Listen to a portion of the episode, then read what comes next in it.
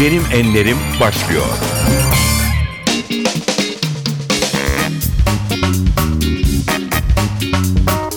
NTV Radyo'nun Benim Enlerim programına hoş geldiniz. Ben Aynur Altunkaş. Bu hafta bir edebi söyleşi yapacağız. Türkiye'nin en çok okunan yazarlarından biri. İki Yeşil Susamuru, Kumralada Mavi Tuna ve Gelibolu'nun yazarı, gezgin ve yazar Buket Uzuner. Hoş geldiniz. Hoş bulduk, merhaba. Uyumsuz Defne Kama'nın Maceraları Su, bir dörtlemenin ilk kitabı. Ee, doğa tutkunu bir gazeteci Defne Kaman bir gün ortadan kayboluyor. Roman böyle başlıyor. Aynı zamanda roman bize çok büyük bir eseri Kutat Gubili'yi ve şamanlık geleneğini yeniden hatırlatıyor. Yani siz çok büyük bir işe kalkışmışsınız. Bu fikir nasıl Sormayın. oldu? Yani fikirden ziyade mesele. Ben e, meselesi olan romancıları seviyorum. Ben 4-5 yılda bir roman yazıyorum bir de. 4-5 yıl iğneyle kuyu kazıyorsunuz. Beğenilecek mi beğenilmeyecek mi yazarak e, geçinmeye de kafama takmış ve buna inat eden birisiyim. O yüzden çok riskli bir şey. Evet. Bu kadar riskli bir şeye girmek için çok ciddi bir meseleniz olması lazım. Tabiatla ilişkimizin ve kendimizle insanın da bir, bir tabiat ürünü olduğunu ya da parçası olduğunu e, düşündüğüm için şiddet niye bu kadar çok yükseldi? Halbuki uygarlaştık diyoruz, işte teknoloji diyoruz. Ne bileyim işte 300 bin yıl öncesine "Aa, ne kadar eskiymiş diyoruz. Bakıyoruz hiçbir farkı yok Evet. şu anda. Bu beni çok rahatsız etmeye başladı. Bunu düşünmeye ve araştırmaya başladığımda kendimi 3000 yıl önce Sibirya'da buldum. Çünkü biliyorsunuz bizim biz eskiden nasıldık Selçuklulardan öncesi yok. Evet. Resmi tarih bir şekilde onu silmiş ve bunun aslında silmeye çalıştığı şeyin ırkla falan hiç ilgisi yok. Bunun tamamen e, İslamiyetle ilişkisi olduğunu e, na bağladım ben. Geldiğim yer orası. Çünkü İslamiyet'ten öncesini bilmiyoruz. Neydik, ne yapıyorduk. E o zaman da işte Sibirya'da buluyorsunuz kendinizi ve kamanlık Türklerin kaman dediği şaman çünkü Hintçe bir kelimeymiş. Orada buldum kendimi. Sonra bunun izleri Anadolu'ya nasıl yayılmış ve bütün kültürlere yayılmış. Yani Anadolu'daki Ermeni, Laz, Kürt, Türk herkes bu geleneklerden hmm, gelenekleri paylaşıyoruz. Yani işte üç kere kulağımızı çekip hmm, nazar değmesin tak Tahtaya tak vurmak. Tahta arıyoruz mesela. Neden tahta arıyoruz? Araştırdığınızda tahta kayın ağacına, hayat ağacına gidiyor. O da mesela James Cameron'ı Avatar filmi için Sibirya'da araştırma yapmaya yönlendirmiş. Yani e, bu gelenekleri incelemeye başladığımda çok hoş şeyler gördüm ve istedim ki öyle bir modern romanın içinde bu gelenekleri farkına varalım ki aynı zamanda bir macera olsun bir kadın karakter olsun çünkü macera hep erkekler içindir ve benim adımla anılacak bir kadın karakter yani Defne Kaman'la adım karışsın diye de bir hayalim var. Belki bunu çok ortalıkta söylememem gerekiyor ama e, söylemek de lazım. E, ve bize de o işte binlerce yıl öncesinden inançlarımızı bugün nasıl Anadolu'da bizi birbirine bağlıyor onu anlatsın istedim. Bir dörtleme dedik. İkincisini herhalde yazmaya başladınız bile Evet değil mi? toprak bu suydu zaten dört unsuru varmış e, şamanlığın ka- kamanlığın E, ateş hava toprak su bütün paganlar bütün dünyada zaten mitolojilerde de bunlar kullanılıyor şimdi toprağa yazıyorum o Çorum'da geçiyor. Su Marmara Denizi'ydi biliyorsunuz ve her birinde de Kamanlık'ta Anadolu'da kutsal sayılan bir hayvan sembolü var. Orada Yunus'tu. Defne Kaman kaybolduğunda yerine Marmara Denizi'nde bir Yunus geliyordu. Şimdi Çorum'da Hitit harabelerinin orada peşindeyim. Ben de sık sık Çorum'a gidiyorum. Burada da geyik hayvanımız Ee, ve ondan sonra ateş e, hava olacak. O Kapadokya'da ateşte Mardin'de geçecek ama bir de ağaç ve demir var. İnşallah altılamaya gitmem çünkü çok çıta yükseldikçe yani beğeni ve eleştiriler olumlu gittiği sürece e, daha iyisini yapmaya çalışıyorsunuz ve e, Nazım'ın da dediği gibi hani en e, en iyi romanım, en iyi kitabım, en iyi şiirim yaz yazacağım. Henüz daha yazmadım, sonraki. daha Evet. Öyle bir endişe var ama o endişe güzeldir. E, bir müzik arası vereceğiz şimdi Buket Hanım. E, programımızda konuklarımız seçiyor şarkıları. İlk Ya şarkımız Bu olsun. en zor olan şey buydu. Ben çok müzikle işte yaşayan birisiyim. O yüzden e, her şarkının da sevdiğim şarkının da hayatımda bir yere denk düşmesi var. E, fakat e, en başta hani nasıl ilk en roman dediğinizde Cervantes ve Don Quixote Evet. klasik diyeceksen müzik olunca da John Lennon'ın Hayalet Imagine şarkısıdır. Peki. Zevkle dinliyoruz. Az sonra yine birlikteyiz.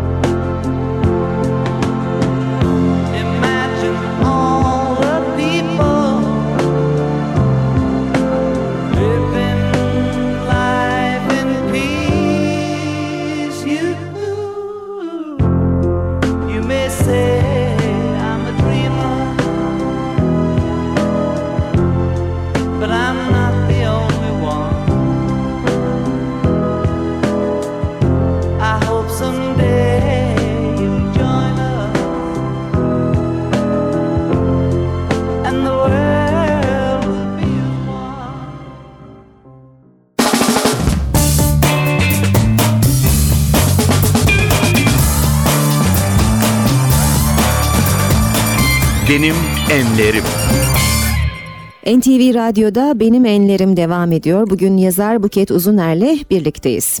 Ee, bir tutku sizde yazmak hatta bir az önce söylediğiniz gibi bir inat e, yazarak yaşamımı kazanmak e, zorundayım gibi bir idealiniz var. Bu tutku nasıl başladı sizde? birçok insanın yazma yeteneği vardır. Bir kere doğuştan bir hayal gücünüzün olması gerekiyor. Yani herkes edebiyat yazarı, kurgu yazarı olamaz. Başka Evet. şey yazabilir herkes. Okuma yazma bilen ve kitabı çıkan herkesi de yazar deriz ama kurgu yazarı, romancı, edebiyatçı çok farklı bir şey. Ama ailenizden buna destek olması ya da ortamın müsait olmasının çok önemli olduğunu düşünüyorum. Ben moleküler biyoloji okudum uzun yıllar. Yani asıl mesleğim çevre bilim, su Evet. bilimi falan. Ee, ve bizim zamanımızda ekol olarak iki ekol vardı. Genetik ve çevre ekolü. Ben işte sosyalist ve devrimci bir solcu öğrenci olarak hep e, çevre faktörünü önemsedim. Ama daha sonra anne olduktan sonra genetiğin ne kadar önemli olduğunu doğum adasına giren bütün anneler görür. Değil mi? Bütün bebekler ayrı karakterde ağlayıp veya gülüyordur. E, Şunu söylemeye çalışıyorum. E, Hep yazmaya eğilimim vardı ama annemin tarafında özellikle şair dedeler, işte e, Mevlüt Han şeklinde de olsa kadın ve böyle bir takım insanlar var yetenekli şairler işte gezginler var. Bunlar bana hep olumlu şeyler olarak gösterildi yani rol model olarak bana hep halde edip gösterilirdi. Annem ona çok düşkün edebiyat okumuş zaten Ee, Sabiha Gökçen falan yani kadın rol modelleri bu kadar entelektüel okumuş ve kendi ayakları üzerine. Zaten bizim kuşağımız ben 78 kuşağı sayılıyorum. Ee, hep öyleydi biliyorsunuz Evet. yani bizim için işte hocamdı kocam oldu diye şimdi Aynen, bir, evet. şey var. Asla böyle bir şey olmazdı. Yani mesela ben işte Atilla İlhan'ın yanında büyüdüm. Çok genç bir kız olarak Çok yanına büyük gittim. bir şans sizin için gerçekten. Çok büyük benim gibi birçok gence destek oldu ve aramızdan çok yazar işte eleştirmen ya da e, gazeteci çıktı. O yüzden kendi ayakları üzerinde basmaya durmaya çalışan bir kuşağın içinde e, yazmak da çok doğal geliyordu. Çünkü evde çok kitap okunuyordu. Edebiyatla uğraşmak çok e, saygın bir şeydi ve belki o dönemin de getirdiği hala işte cumhuriyetçi e, aydınların anne baba ve öğretmen olduğu bir kuşak sonuçta. O dönemde e, yazmak eylemi ve yazarak geçinmek çok kutsal şeylerdi. Hani bir günde ünlü olmak ya da yazıp zengin olmak gibi bir hayal yoktu. E, beğenilen insanlar daha çok kültürlü insanlardı. Yani arabası işte kaç tane evi var bunlar konuşulması ayıp şeylerdi. Evet. Tam tersine işte filanca üniversiteden mezun biliyor Evet. musun bitirememiş ama işte maddi nedenlerle ama çok okuyan birisidir. Evet. Anneniz babanız çevrenizdekiler böyle konuşunca doğal olarak siz de onları beğendirmek için zaten içinizdeki o bölümü açıyorsunuz. O çekmecede gelişmeye başlıyorsunuz. O yüzden çocukken ben hep e, yazar olmayı çok e, ideallerimden biri olarak görüyordum ama bilimi de çok seviyordum. Yani aynı zamanda çok iyi bir bilim kadını ve yazar olacağımı sanıyordum. Ee, sonra işte 20'li yaşların ortasında fark ettim ki bir şey iyi olabilmek için bu bu çok önemli dinleyen gençlere söylemek istiyorum. Bir şeyde sahiden iyi olabilmeniz için bir ömrü o şeye adamanız gerekiyor. Hele edebiyat demlenen bir şeydir. O yüzden yazar olmak isteyen gençler varsa bizi dinleyenler öyle bir gecede yazar olursunuz. İşte e, ahbaplarınız, çevreniz vardır. İşte birilerine basında yaslanırsınız falan. Çok da satarsınız. Ama iyi yazar olamazsınız. Evet. Geçer onlar ve kendi vicdanında herkes de bilir. Siz bir taraftan da gezginsiniz. Gezmek de bir tutku sizin için Ee, ve sürekli notlar da tutuyorsunuz. Ee, Üstelik bunları kitaplaştırıyorsunuz. Ee, yazmak ve gezmek birbirini sizde nasıl besliyor? Ee, bu bana çok sorulduğu için hemen cevap vereceğim. Yani çok zeki olduğum için şak diye bir cevap zannetmeyin. Ee, evet seyahat benim için yazmanın hareket hali diyebilirim. Çok uzun yıllar bunu düşündüm. Neden bu kadar çok seyahat ediyorum? Ve gitmek, kaçmak, terk etmek. Üç fiili çok çalıştım. Yani bunlar neye tekabül ediyor hayatımda diye. Ve gitmenin, terk etmenin ve seyahat etmenin çok farklı şeyler olduğunu farkına vardım. Ee, ben benim için mesela sorarsanız en korktuğunuz şey ne diye yerleşmek.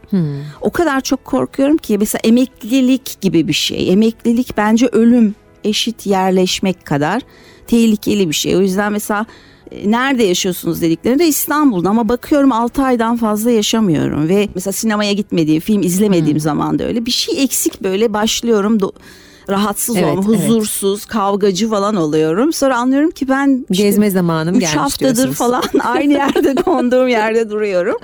E tabi bunu genetikle açıklamak çok ters ama sonra yıllar sonra ki yani 5-10 yıl önce öğrendim. Annemin büyük dedesi e, gezgin bir Osmanlı şairi Hmm. hem de Mevlevi şeyhi. Ah ne güzel hani böyle Hmm. bir dede kim istemez değil mi? Muhakkak. Peki o zaman sohbete yine bir müzikle ara verelim. Hangi şarkıyı dinleyeceğiz şimdi? Ben Zeybek çok seviyorum. Anne tarafından biraz İzmirliyim ama olmasaydım da çok severdim. Aynı zamanda babam Ankaralı. Oranın da Zeybek Seymeni var biliyorsunuz. Evet. Ama çökertme benim özellikle Tolga söylediği zaman Tolga Çandar'dan. Tolga Çandar. Evet çökertmeyi çok isterim dinlemek. Yine zevkle dinleyeceğiz. Az sonra tekrar birlikte olacağız.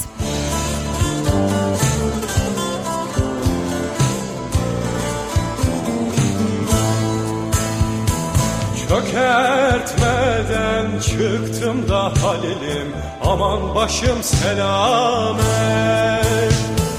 Çökertmeden çıktım da Halil'im. Aman başım selamet. Vitezde yalısına varmadan Halil'im. Aman koptu kıyamet Vitezde yalısına varmadan Halil'im aman koptu kıyamet. Arkadaşım İbrahim Çavuş Allah'ına emanet. Arkadaşım İbrahim Çavuş Allah'ına emanet. Burası da aspat değil Halil'im. Aman bitez yalısı Ciğerime ateş saldı. Aman kurşun yarası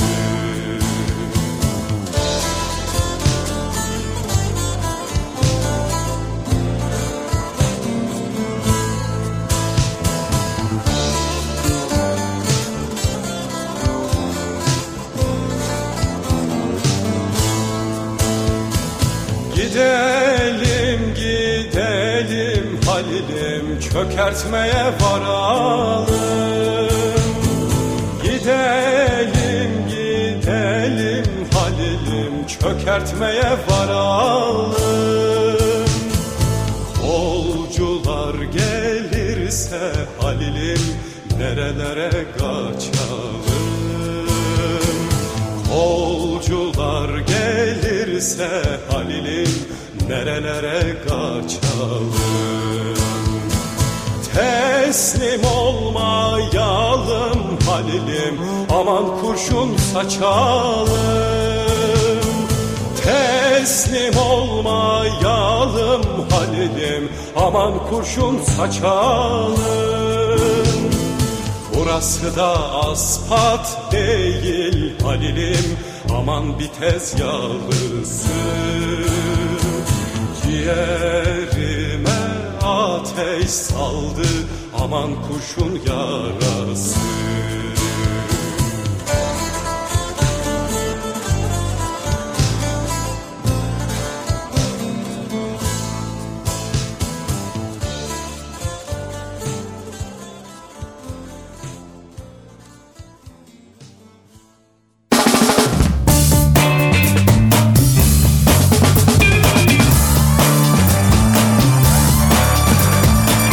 Benim Enlerim.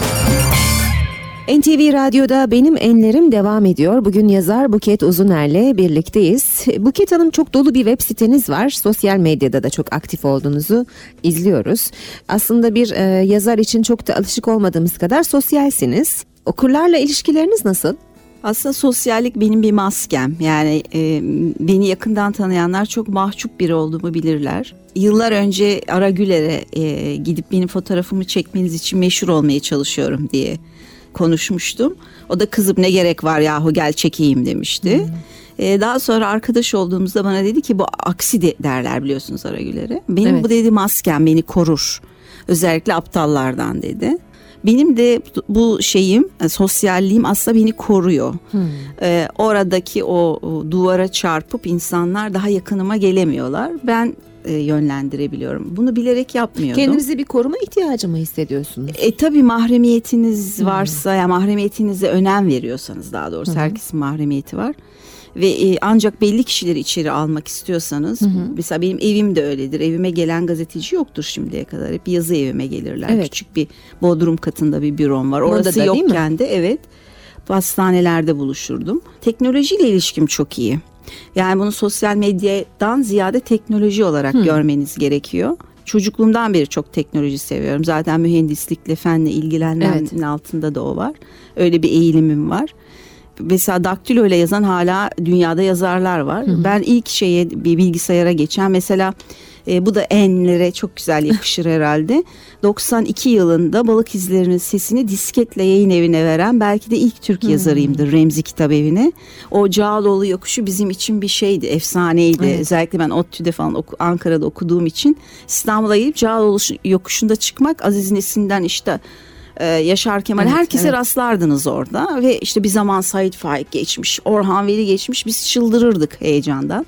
O yokuşu bir disketle çıktığımı çok hatırlıyorum 92 yılında. Birçok yazarın elini bile sürmediği Commodore'la yazılmıştı yani. Hmm. ilk o, o Commodore'u saklıyorum bir gün bir edebiyat müzesine falan hediye etmek Ne kadar isterim. güzel. Çünkü herhalde ilk disketle yani bilgisayarla yazılmış ilk Hmm. Türk romanı olarak belki birileri de ilgilenir diye Evet. düşünüyorum. Peki e, sizi kimler okuyor? Bu tam bir polemik konusu. Ee, ben sorunuzu şöyle algıladım. Bir de yaş meselesi var. Bu özellikle son zamanlarda edebi düşmanlarım tarafından geliştirilmiş bir şey. Bu edebi düşmanlarım lafına bayılıyorum. Twitter'da çok gezdi. Ee, edebi düşmanlarım bile orijinal, samimi ve sahici olduğumu bilirler yazdım. O çok konuşuldu. Yaş meselesi şöyle bir şey. Şimdi beni ergenken okumuş olanlar ve özellikle edebi düşmanım olanlar bu, bu ergenlerin yazarı şeklinde bir şey çıkardılar son zamanlarda. Ben buna çok gülüyorum bir de ayıp oluyor çünkü Gelibolu ve Su romanında e, çok yaşlı bir kesim var okuyan. Onlara hakaret etmiş oluyorlar. Ergenlik meselesini ben şöyle düşünüyorum. Hepimiz ergenlik yaşlarında etkilenmeye çok açığız. En açık olduğumuz zaman. Ve o yüzden mesela bakın bazı kendini bilmez eleştirmenler diyorlar ki işte filanca şairden ya da yazardan sonra Türk edebiyatı bitti. Bir bakıyorsunuz hesaplıyorsunuz o edebiyatçıyı sevdikleri yaşlar ergenlik yaşları. Tabii ki o yaşta çok etkileniyoruz hepimiz. Mesela ben Elbette. Sevgi Soysal'dan o kadar çok etkilendim ki Atilla İlhan'dan. İlk yazdıklarımda çok onların etkisi vardı. Tabii daha sonra kendi sesinizi bulmanız gerekiyor. Yoksa ola- var olamazsınız. Ben mesela Susamurların, iki yeşil Susamur'unu ergenlerin okumaması gereken bir kitap olarak görüyorum. Çünkü intihar teması üzerine. Evet. Bir de şöyle bir şey var tabii. Buket Uzuner benim has yazarımdır. Ne yazsa okurum diyen de bir Evet, kitle var evet, değil mi? Evet. Kemik kitle diyorlar galiba Evet, değil mi? öyle diyorlar. o çok büyük değil ama herkes tarafından sevilmek ve beğenilmek çok korkunç bir şey Aslında olmalı. öyle. Çok doğru. Ya benim böyle bir işte 100 bin kadar bir kemik kitlem var. Ona gençler katılıyor işte 35 yaşına gelen erkekler ayrılıyorlar. Galiba biraz da mücadelemiz e, bu erkek kültürün ne kadar yanlış olduğunu, insan kültürüne dönüşmesi yani feminizmin kadının insan hakları olduğunu söylemek. İnsanın hakları olmadığı bir yerde ne erkeğin ne- kadının mutlu Evet. olmayacağı. Bu kadın cinayetlerinin aslında erkek cinayeti olduğunu. Bunları farkına varmamız gerekiyor. Evet. Bir romanı okuyan bir erkek bunu farkına varmalı, protesto etmeli. Öldürdüklerimiz kendi kadınlarımız. Ee, ve her öldürdüğümüz kadında kendimiz de ölüyoruz. Toplum da yaralanıyor. Evet. Ve kadınlarımız çok mutsuz bu ülkede. Bunu düşünmemiz gerekiyor. Peki yine isterseniz bir şarkı molası Ay, verelim. bu en zor kısmı programın. bilmem ne yapalım. Şimdi bir Santana var çok sevdiğim. Bir de Diane Kroll'un Temptations'ı. Ama Santana, Corazon Espinado. Santana ile devam edelim bence de. Dans ettiğim çok sevdiğim bir şarkı. Vamos!